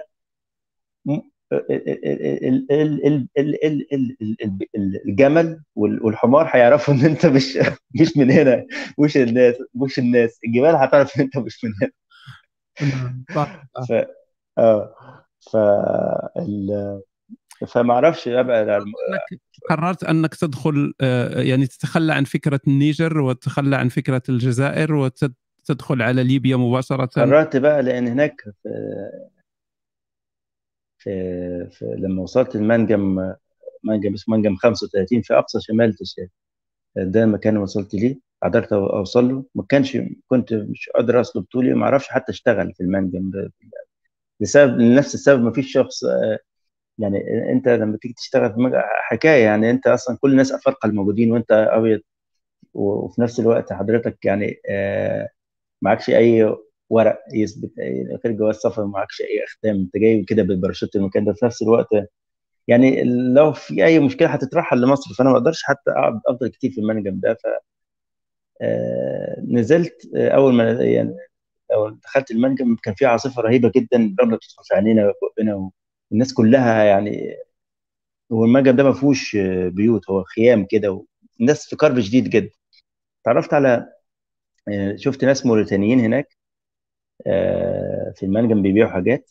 فكلمت الموريتاني ده قلت قلت له ما فيش ناس مصريين هنا خدني وداني خيمة فيها ناس مصريين بيبيعوا خضار بيجيبوه من ليبيا. فقلت لهم أنا عايز أروح الجزائر وفلوس فاتت وعايز أحول فلوس. لو أنتوا ليكم حد في مصر آه، مثلا أو تتواصلوا كده ياخد فلوس من أهلي وأهلي وأنتوا تدوها لي هنا يعني. فقالوا لي أنت روح ليبيا. ليبيا جنبينا هنا. شمال تشات أقرب مدينة لي اسمها قطرون. قطرون. يقول لي قلت أنا لف لفة كبيرة جدا عشان ما أروحش ليبيا. فقالوا لي ما قدامكش حل غير كده. فكان في واحد معاهم في خيمة ليبي. قالوا لي ده ده ابننا ده آه، ليبي ده اعتبره مصري يعتبر ابننا. ده هيوصلك لحد هناك ومش هياخد منك أي فلوس قلت له لا أنا لما أروح هناك هقدر أحاول. هو طلع شخص غريب جدا. وفي ساعتها آه، هو كان نازل ليبيا وفي ساعتها خدني في العربية وعدى الحدود طيران هو عدى طيران بالعربية. لأن في اولا في في جنوب ليبيا في المعارضه التشادية أوكي. دول مسلحين أسلحة ثقيله وفي آه، بعد كده عصابات نهب بقى في ليبيا وليبيا قصة ثانية خالص يعني ليبيا قصة ثانية رهيبة يعني بشعة. طيلة طيلة هذه طيلة هذه المدة طيلة هذه المدة وأنت تلتقي بناس آه، كثير من الناس. هل حصل أن شخص تعرف عليك؟ أيوه ما أنا هقول لك بقى ما أنا هقول هو في في في تشاد وفي السودان آه، مش مشكلة يعني. آه، في لما المصريين دول ودوني لما الشخص الليبي ده وصلني القطرون وصلني عند ناس مصريين وكده. فالمصريين دولت إيه حكايتك؟ قلت لهم أنا يعني هربان من ماشي بالشكل ده ولافف اللفة دي كلها علشان الكورونا قفلت الحدود ما بيني وبين مصر و... وأنا عايز أروح فالفكرة دي كانت مقنعة على أي حد إلا المصريين يعني. كنت بحكي الحكاية دي كتير في الطريق بتاعي أساسا أنا مش عاوز أقول لهم أنا يعني هربان من بلوه في مصر أو ممنوع كده يخافوا مني يعني فاهم؟ فكنت بحكي لهم حكاية الكورونا ديت فكانوا يقولوا مسكين مش عارف إيه وبتاع. بس إلا المصريين دول طبعا. مصريين يعني فاهمين يعني إيه واحد مصري يقطع كل المسافة ديت؟ قال إيه يعني هربان كورونا قفلت الطريق فمش داخل دماغهم. ف كان فيهم واحد حكيم كده ذكي يعني. أنا بحترمه جدا يعني. لحد دلوقتي. هو قال لي أنا شاف الجواز السفر بتاعي وشاف اسمي ولقط الاسم وكتبه على جوجل. آه، بس مش قدامي طبعا. يعني هو استضافوني وغسلت هدومي طبعا. بقالي هدومي كلها طين طين طين حقيقي. أنا بغسل هدومي في الغسالة غسلتها يجي 20 مرة عشان تبقى صفرة عشان تبقى الهدوم كلها طين من الصحراء. رحلة فظيعة في تشاد بالمناسبة يعني. ما, ما تخطرش على بالك. 10 أيام ما تعرفش أنا كنت بنام فين ولا بعمل إيه ولا. مسافه كبيره حاجة يعني عايزة قصة لوحدها تشاد كل يوم فيها عايز قصة زي عطشت قعدت أربع أيام. يعني في, في تشاد أنت بتمشي من البير للبير ممكن من بير لبير مثلا اللي فيه 300 كيلو مثلا أو 200 كيلو. wow. تدور على بير مية أو تقعد عطشان شفافي اتشققت من من العطش الشفايف آه فكنت جاي متبهدل في حالة لا يرثى لها يعني فكرموني وقالوا لي اتفضل نام وكده. وهم فضلوا بقى بالليل إيه يشوفوا الفيديوهات بتاعتي على الإنترنت وأنا مش واخد بالي. ف العدو بيننا. أيوه. آه مش واخد بالي. لا ما هو ما هو تفرجوا لما تتفرجوا على الفيديوهات بقى بتاعتي بعد بعد ما رجعت الإسلام وبعد ما وكده يعني اطمنوا شوية كانوا كانوا غضبانين في الأول. فلما شافوا الفيديوهات دي هم لوحدهم برضه شافوها. أنا ما أعرفش حاجة أنا نايم. أنا نايم نوم عميق ما نمتش إزاي قبل كده لأن أخيرا متغطي ببطانيه ونايم الصبح الفجر لقيتهم بيقولوا يلا صحوني يلا لازم تمشي دلوقتي. أنا لسه معيش فلوس وعايز أشوف حد يحول لي فلوس للقطرون عشان أقدر أتحرك بقيت رحلتي. قالوا لي لا أنت هتمشي دلوقتي أنا هدفع لك. اجرتك مدينة تانية اسمها أم الأرانب في الشمال شوية البتاع دي وجنوب سابها وأنت هتمشي دلوقتي. وما آه لازم تمشي دلوقتي. وقالوا لي انت تمشي هات حاجتك. وصفوا لي المكان اللي فيه آه، محل هنا بتاعهم كده فوصفوا لي وقالوا لي أنت تروح هناك فلان اللي كان قاعد معاك امبارح ده هيقابلك هيقول لك هتعمل إيه يعني. وما رضوش يمشوا معايا في الشارع خافوا يمشوا معايا في الشارع. آه آه. خافوا لحد من الليبيين يشوف يشوفني معاهم ويعتقد إن هم ساعدوني أو كده. وقالوا لي انت وكده لقيتهم شو متغير جدا. رحت هناك للراجل ده قال لي أنت اسمك آه أحمد حرقان وأنت ممنوع من السفر بشكل تام. الراجل اللي كان قابلني امبارح اللي قلت عليه حكيم ده أنا بحترمه جدا لحد دلوقتي وعز يعني. أنا بحب الناس اللي بتشك يعني بحس الناس الشكاكة والناس الذكية اللي بتشغل دماغها وما تاخدش المعلومات بمنتهى السهولة وتسلم بيها يعني. فلسه بكمل كلام قلت له بص أنا أنا من الأول عارف إن أنت شاكك في قصتي وأنا أصلا آه، بحترمك عشان كده. أنا آه، بحترمك عشان أنت راجل شكاك. فقال لي لا والله مش شكاك بس مش حكاية شك أو كده بس هي حكاية إن أنا عرفت إن أنت ممنوع وإحنا طول الليل بنتفرج على الفيديوهات بتاعتك و و, و... أتمنى تكون قصة رجوعك للإسلام دي حقيقية عشان على فكرة إحنا متدينين جدا والناس هنا في البلد دي متدينة جدا وإحنا متدينين جدا وزعلانين جدا إن أنت جيت عندنا آه، لأن ده عرضنا للخطر كلنا و... وزعلانين آه، هنكون زعلانين أكتر لو أنت كنت بتقول آه، قصة رجوعك للاسلام ديت علشان يعني بتضحك بتضحك على عليهم عشان يسفروك أو كده. نعم نعم. فتقول لا ما تقلقوش أنا فعلا رجعت للإسلام و طب قلت لهم كمان يعني أنا ممتن ليكم جدا وأنا ما كنتش عايز أعرضكم للخطر لكن مش أنا اللي جيت عندكم هو الأخ الليبي ده هو اللي حطني قدام الواقع وقال لي إخوانك هيستقبلوك وكده. صحيح هو ما كانش يعرف القصة بتاعتي كلها وكده لكن هو سلمني ليكم آه، آه، هو هو يعني وحطني قدام الأمر الواقع يعني. أنا ما كنتش عايز أفرض نفسي عليه. وقالوا لي خلاص آه، حصل خير يعني بس إحنا كنت هتضرنا كلنا وكده. وإحنا ما نتوقعش إن أنت تخرج على رجليك من ليبيا. انت هنا في أقصى جنوب ليبيا وقدامك رحلة لحد تونس إحنا ما نتوقعش انت تكملها أو توصل يعني إحنا اقتنعنا بفكرة قصة إسلامك أو فوضنا امرنا فيك لربنا لكن الليبيين مش هيقتنعوا بيها يعني. يعني كان آه أعطوني فلوس على قد المشوار لأم الأرانب ديت آه. وأزيد شوية دول دول خليهم معاك و وقالوا لي ما رضوش يمشوا معايا من المحل. الكلام ده دخلوني جوه المحل واتكلموا معايا وطلعوني من المحل بتاعهم. آه، ما رضوش كأني زبون يعني ما رضوش يمشوا معايا في الشارع عشان ما حدش يشوفني معاهم. تذهب في الرحلة وحدك. آه فرحت آه، للموقف بتاع ركبت منه طبعا هناك إحنا وإحنا يعني في تفاصيل كتير تانية أحكيها طبعا في نعم أنت أخذت أخذت وسيلة تنقل يعني أخذت حافلة أو شيء آه، لتذهب؟ أخذت آه، تاكسي. تاكسي آه، هناك مشترك بياخذوه في ليبيا. الناس كلها بتركبه يعني. نعم نعم. تاكسي عادي بيركبوه عدد اشخاص أربعة تقريبا وتحط الشنط بتاعتهم ورا. فهذا من التاكسي من, من قطرون لمران.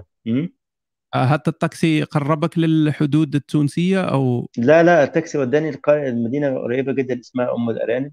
ومن الام الارانب اخذت المواصلات لسبها ومن سبها سافرت لحتة اسمها الزنتان آه، في رحلة صعبة جدا جدا جدا يعني بشعة يعني صعبة جدا جدا جدا جدا لأن ما سبب صعوبتها الشديدة؟ صعوبتها الفوضى في ليبيا والسرقة والعصابات وال آه، okay okay ضرب النار بتسمع الناس بتضرب نار ما بتعرفش ليه ومين بيضرب في مين وليه, وليه بيضرب نار بتسمع صوت أسلحة ثقيلة ما تعرفش المفروض الحرب كانت واقفة في الفترة دي بس ما تعرفش مين بيضرب وبيضربوا في إيه ما تعرفش؟ يعني الحافلة عصابات السرقة بتسطو على ال على ال على الناس. آه، آه، تجار بالبشر آه، خطف البشر وبيعهم. فأنا ممكن الفترة المسافه من سابها للزنتان ديت من أسوأ أيام حياتي يعني ومريت بيها تجارب يعني صعبة جدا. كم كم ده شفت فيها شفت فيها حاجات تشيب يعني وأنا ممكن اكون متحفظ شوية في الكلام على أكيد أكيد على المرحلة دي بالذات يعني. كم لكن كم أنا ناوي أكتب أنا عن الموضوع ده عن الرحلة كلها وحكت فيها تفاصيل دي لأن في ليبيا يعني حاجة أخطر مكان في الأرض ترى ليبيا. هذه بشعة بشعة. تحتاج كتب عزيزي احمد هذه تحتاج أكثر من كتاب أنك تحكي على هذه الرحلة كلها. أنا في ليبيا قلت يا ليتني مت قبل هذا وكنت الاسم منسيه صعبة جدا. صعبة جدا كم كانت. شفت أطفال بيتع... افارقه بيتعرضوا للضرب و... ورجالة وناس كبار بيتعرضوا للضرب على إيد الناس اللي هم ال... الناس اللي هم بينقلوا ال... الأفارقة على من للشمال علشان خاطر يسافروا لأوروبا أو يشغلوهم وياخدوا أطفال مهربين عصابات بتسطو على مهربي البشر عشان تسرق البشر اللي معاهم ويبيعوهم لبشر تانيين.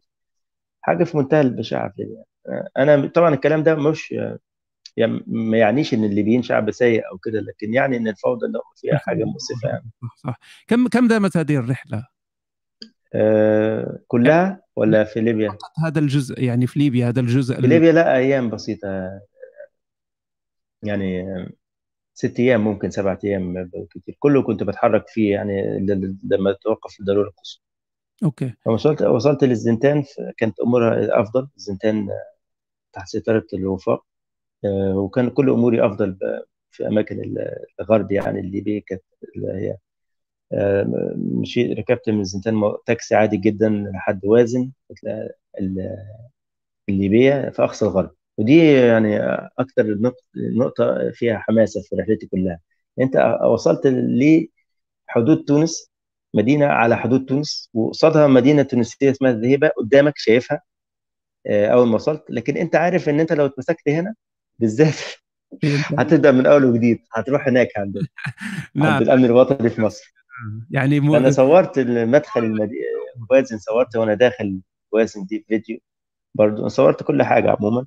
بس ده دي الفترة الوازن ديت يعني تعتبر أكتر أكتر نقطة كانت حماسيه أنا وصلت من كتر حرصي إن أنا ما أقعدش في الزنتان وكده اتحركت بدري خرجت 8 ونص التاكس وصلني بسرعة وصلت الساعة 10 أنا المفروض أمشي بالليل. فانا واصل الساعة 10 الصبح 11 آه، الصبح تقريبا. فالمفروض أقعد في بلد صغيرة كلها عبارة عن شارع وبلد حدودية فيها شرطة وفيها كل حاجة. أقعد المدة دي كلها من غير ما حد يشوفني استخبى ف آه، مفيش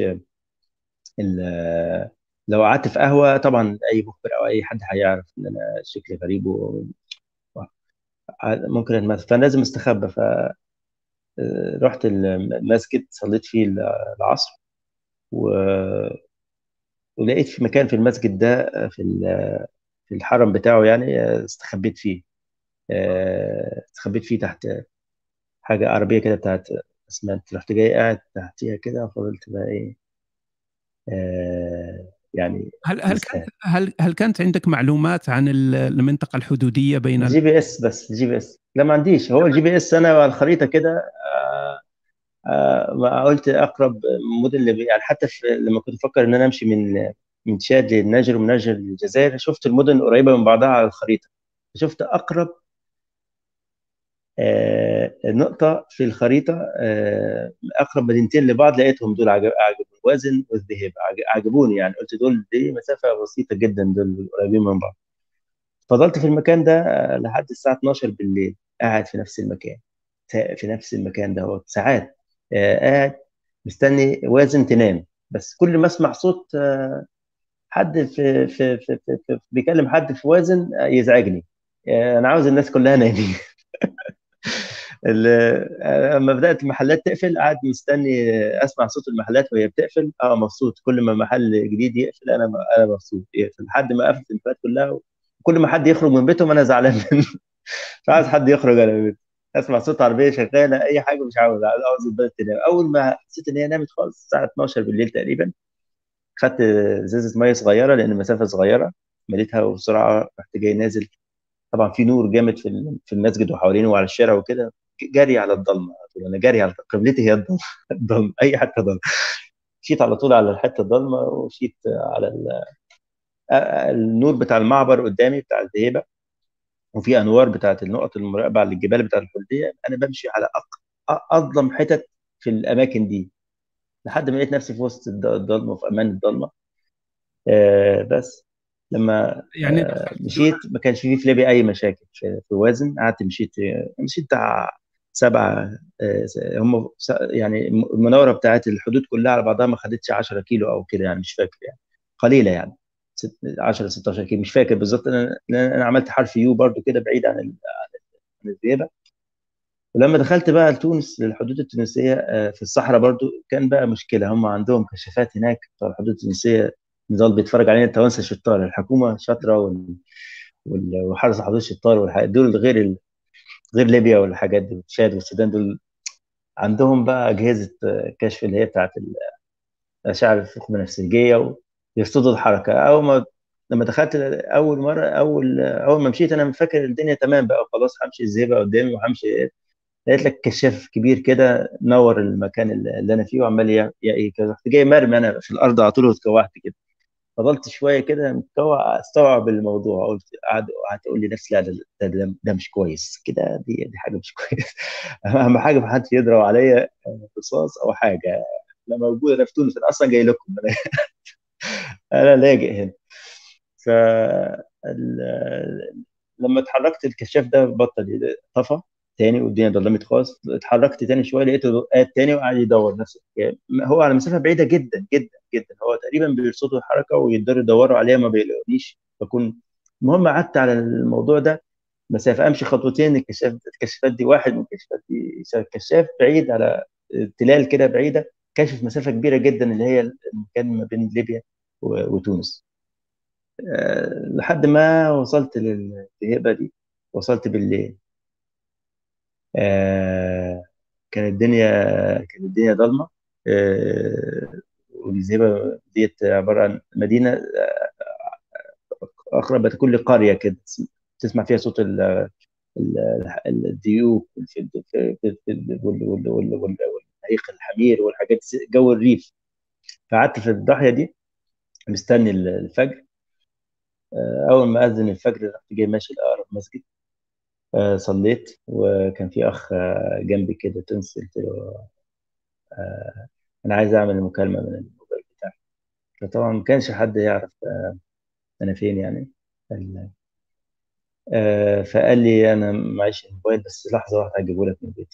ساب خلص صلاة وساب راح مشى. التوانسه على فكرة ناس جميلة جدا جدا جدا بيحبوا المصريين جدا يعني. هم ناس مؤدبين بصراحة شعب جميل.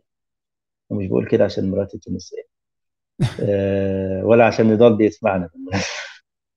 أه أنا الراجل استنيته قعد ربع ساعة وجاء جاب الموبايل بتاعه طلب اتصل اتصلت اتصلت بزوجتي وأنا في تونس. wow. ماذا ماذا عن ش... ال... أنت تكلمت عن الكشاف وتكلمت عن ال... أنا يعني شو المسافة دي كلها ما حدش وقفني. okay. لكن هم آه، وقفوني يعني بعد كده. آه، طبعا في تونس أنت ما تعرفش تتحرك آه، على الطرق كده من غير ما يكون ورقك سليم ووضعك مظبوط. الحكومة هنا يعني قوية يعني. وقفوني في البوابة. فلما طلعت وقفوني في حتة اسمها رمادة. راكب الواش ده ورايح تونس العاصمة. أنا عارف إن هم ممكن يوقفوني. أنا أصلا كده كده هطلب لجوء يعني. أنا أنا أصلا بس عاوز أطلب لجوء في تونس في العاصمة وأنا آه، جنب مراتي وفي نفس الوقت في العاصمة يعني أفضل حاجة فوقفوني فقال لي خدوا البطاقات بتاع الناس وخد الجواز السفر بتاعتي بص ما لقاش تأشيرات وحاجات من دي قال لي إيه أنت جاي منين؟ جاي منين؟ قلت له أنا جاي من مصر آه إزاي؟ قلت له كذا كذا كذا قال لي واو وحولني للامن الوطني التونسي اللي هو زي آه، دول عاملين لي معاملة كويسة جدا جدا جدا. آه، تليق بشعب محترم يعني. قالوا لي اتفضل أنت اولا يعني ما عندكش مشكلة أمورك واضحة؟ قلت له عايز أكلم آه، زوجتي أطمنها إن أنا وقفت في الطريق وإن أنا عندكم ولو اتأخرت مفيش مشكلة. قالوا لي كلموها لي هم الأرض عندهم ادهاني على التليفون. قال يقول لها أنا أموري واضحة وما عنديش مشكلة وما فيش داعي تقومي محامي ولا أي حاجة. قال لي يقول لها كده. فقلت لها خلي بالك أنا أموري واضحة وما عنديش مشكلة مش آه، آه، قعدوا معايا دردشوا معايا عرفوا كل القصة كلها من أولها لآخرها. وقالوا لي آه، جابوا لي أكل وأصروا إن أنا آكل. أنا مش قادر آكل ولا قادر أعمل أي حاجة. ومش عارف مصيري إيه يعني. اللي لازم تاكل. آه، ما أكلتش فجابوا لي فاكهة قالوا لي لازم تاكل ولا هنزعل. بقى فأكلت. قالوا لي آه، أنت قصتك قصه قصة يعني. و في الآخر عملوا لجنة هم زي لجنة جهويه ودرسوا الموضوع وخدوا أمر من النيابة أو حاجة زي كده إن هم يسيبوني على على أن أتعهد بأن أنا أروح المفوضية بتاعت اللاجئين أول ما اوصل العاصمه الكلام ده كله أخذ ساعتين ثلاثة يعني كتير بعد كده قالوا لي إيه رأيك آه لو إحنا سيبناك تمشي دلوقتي هتعرف تروح تونس قلت لهم آه هعرف. طبعا سيبوني بس. أنتوا بس سيبوني. فخدوني هم وصلوني لحد اللواج بتاع الأجرة اللي هو بتاع ال cab وقالوا لي أنت آه حتى تمشي لحد تونس ووصوا السواق بتاعه عليا وقالوا له قالوا له قالوا لهم ده توصلوه لحد آه لواج خلي بالكم منه. لو حصلت أي مشكلة أو أي بوابة تانية وقفته في الطريق تكلمونا هنا آه الجهه الأمنية ديت اللي في رمادة وتقول لهم إن إن إحنا عملنا تحدياتنا عنه اموره واضحة تمام هم تقريبا تحروا عني برضو وممكن يكون تواصل مع السفارة المصرية أو مش عارف لأ المهم إن هم عملوا تحدياتهم وقالوا لي إحنا اتاكدنا إن أنت ما عليكش أي قضايا يعني جنائيه ولا أي حاجة يعني. ف ونمت بقى بقيت الطريق لحد تونس. نزلت تونس. هي أصلا ركبت نزلت في الموقف ركبت تاكسي ووصلت المكان اللي فيه. زدت لقيتها واقفة في الشارع مستنياني بقى بصيت عليها في الطريق قلت له اقف هنا بقى دي. و... كيف كانت هذه وطبعا ده يعني عايز أقول لك يعني أسعد لحظة لا تنسى. نعم. آه يعني من الحاجات اللي لا يمكن ابدا لأن لأن هناك هناك فرحه فرحة لقاء الحبيب مثلا م. بعد غياب وانك تأخذ الطائرة وتذهب وكل أمور مبرمجة لكن مغامرة يعني بهذه الخطورة وطيلة الوقت ومصير غير معروف ثم اللقاء يكون هكذا أظن أنه لا زوجتي ما وصلت كانت هي شبح من كتر البكاء وال... ما بتاكلش كانت بتاكل خالص كانت خلاص يعني ده امورها صعبة جدا يعني. كانت بالتدريج بتضعف وبتزهد في الأكل وبتبكي وكانت حزينة جدا لحد ما وصلت لها كانت شبح يعني ما شبه ما مش موجود. رائع جدا. آه فلما فأنا أقول فضلنا فضلنا أيام آه مش مستوعبين ولا أنا ولا قرايبي ولا قرايبها. جميل جدا جميل فعلا. مش مستوعبين نهائي يعني. رائع مش مستوعبين اللي إحنا فيه يعني.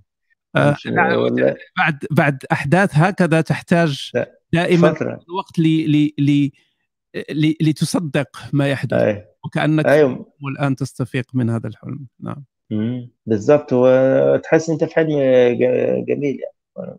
أنا سعيد جدا وممتن للأصدقاء اللي هم وقفوا معايا وساعدوني. ولو بدأت أذكر الأسماء هفتح على نفسي فتوحة كبيرة. اولا القائمة طويلة. ثانيا الناس اللي مش هجيب اسمائها عن طريق النسيان أو غيره هيزعلوا. فأنا هم عارفين نفسهم. أنتوا أصدقائي اللي ساعدتوني ووقفتوا معايا بكل أشكال الدعم سواء حتى الأصدقاء كتير دعموني ماديا لأن قبل ما أتحرك كنت عملت حملة التمويل الموضوع ده. طبعا أنا ما قلتش أنا هروح السودان أو الجنوب. قلت يعني هسافر مصر بطريقة ما. وفهمت وصلت رسائل معينة لجهات معينة إن أنا هسافر عن طريق البحر لاوروبا يعني. لكن أنا كان تفكيري كله في الجنوب. رائع جدا. الناس الأصدقاء اللي دعموني ماديا الناس الأصدقاء اللي تعبوا زعلوا علشاني الناس اللي تعبوا. اللي كانت بتقرأ بوستاتي مزعجة جدا بعتذر عنها برضه. الواحد أحيانا كان ضروري إن أنا أكتب فاهم الناس حالتي أو أنقل لهم مشكلتنا أو معاناتنا الإنسانية عشان يحسوا بيها يعني. أكيد أكيد. مره ثانية أنا ما أقدرش أذكر أسماء الناس اللي أحصرها كلها دلوقتي. ناس كتير جدا ساعدتني هم عارفين نفسهم وأنا بشكرهم كل واحد فيهم وكل واحدة فيهم. أنا بشكرك وبشكرك يعني على دعمك ووقوفك معايا وشكرا ليك هشام على السهرة ديت ولكل آه. مشاهديك الكرام بالعكس أنا أسعد ونحن كلنا سعداء هذه هذه ربما من أسعد الدردشات أو الحوارات التي قمت بها لأن يعني درجة كما قلت لك درجة السعادة بما حدث يجعلني حتى لا أركز حتى لا أركز في الأسئلة. أنا أنا يحدث ما يحدث. المهم هو أن النهاية كانت سعيدة وهذا هو أهم شيء. إذا إذا كان عندك ما زال عندك بعض الوقت أخي أحمد ممكن نأخذ بعض الأسئلة من المشاهدين. نعم على على السريع. على السريع. نأخذ آه. فقط بضع أسئلة لأن كانت أسئلة كثيرة أثناء الدردشة لما أخذها. لأن م. نريد قطع طبعا سيرورة الحوار. إذا كانت هناك أسئلة خاصة بال يعني بهذه المغامرة التي قام بها الأخ أحمد مرحبا بها. لكن أسئلة مثلا ما يخص الدين أو السياسة فمن الأفضل أن نتفاداها؟ لا أظن أن لها فائدة الآن. نعم. كان كان سؤال عن الألغام سابقا. أنا كان سؤال تكرر لأن المناطق الحدودية خاصة في مناطق الحرب يكون فيها ألغام يكون فيها صحيح. فهل كنت تفكر في هذا الأمر أم كنت تجازف؟ و... آه لا آه، في الألغام الألغام اللي كانت موجودة في مناطق المعارضة التشاديه في شمال تشاد آه، الألغام دي آه، الحقول دي كلها أماكنها فيها علامات تحذيرية بأن في ألغام في, في الأماكن ديت ما حدش يمشي فيها. في في ليبيا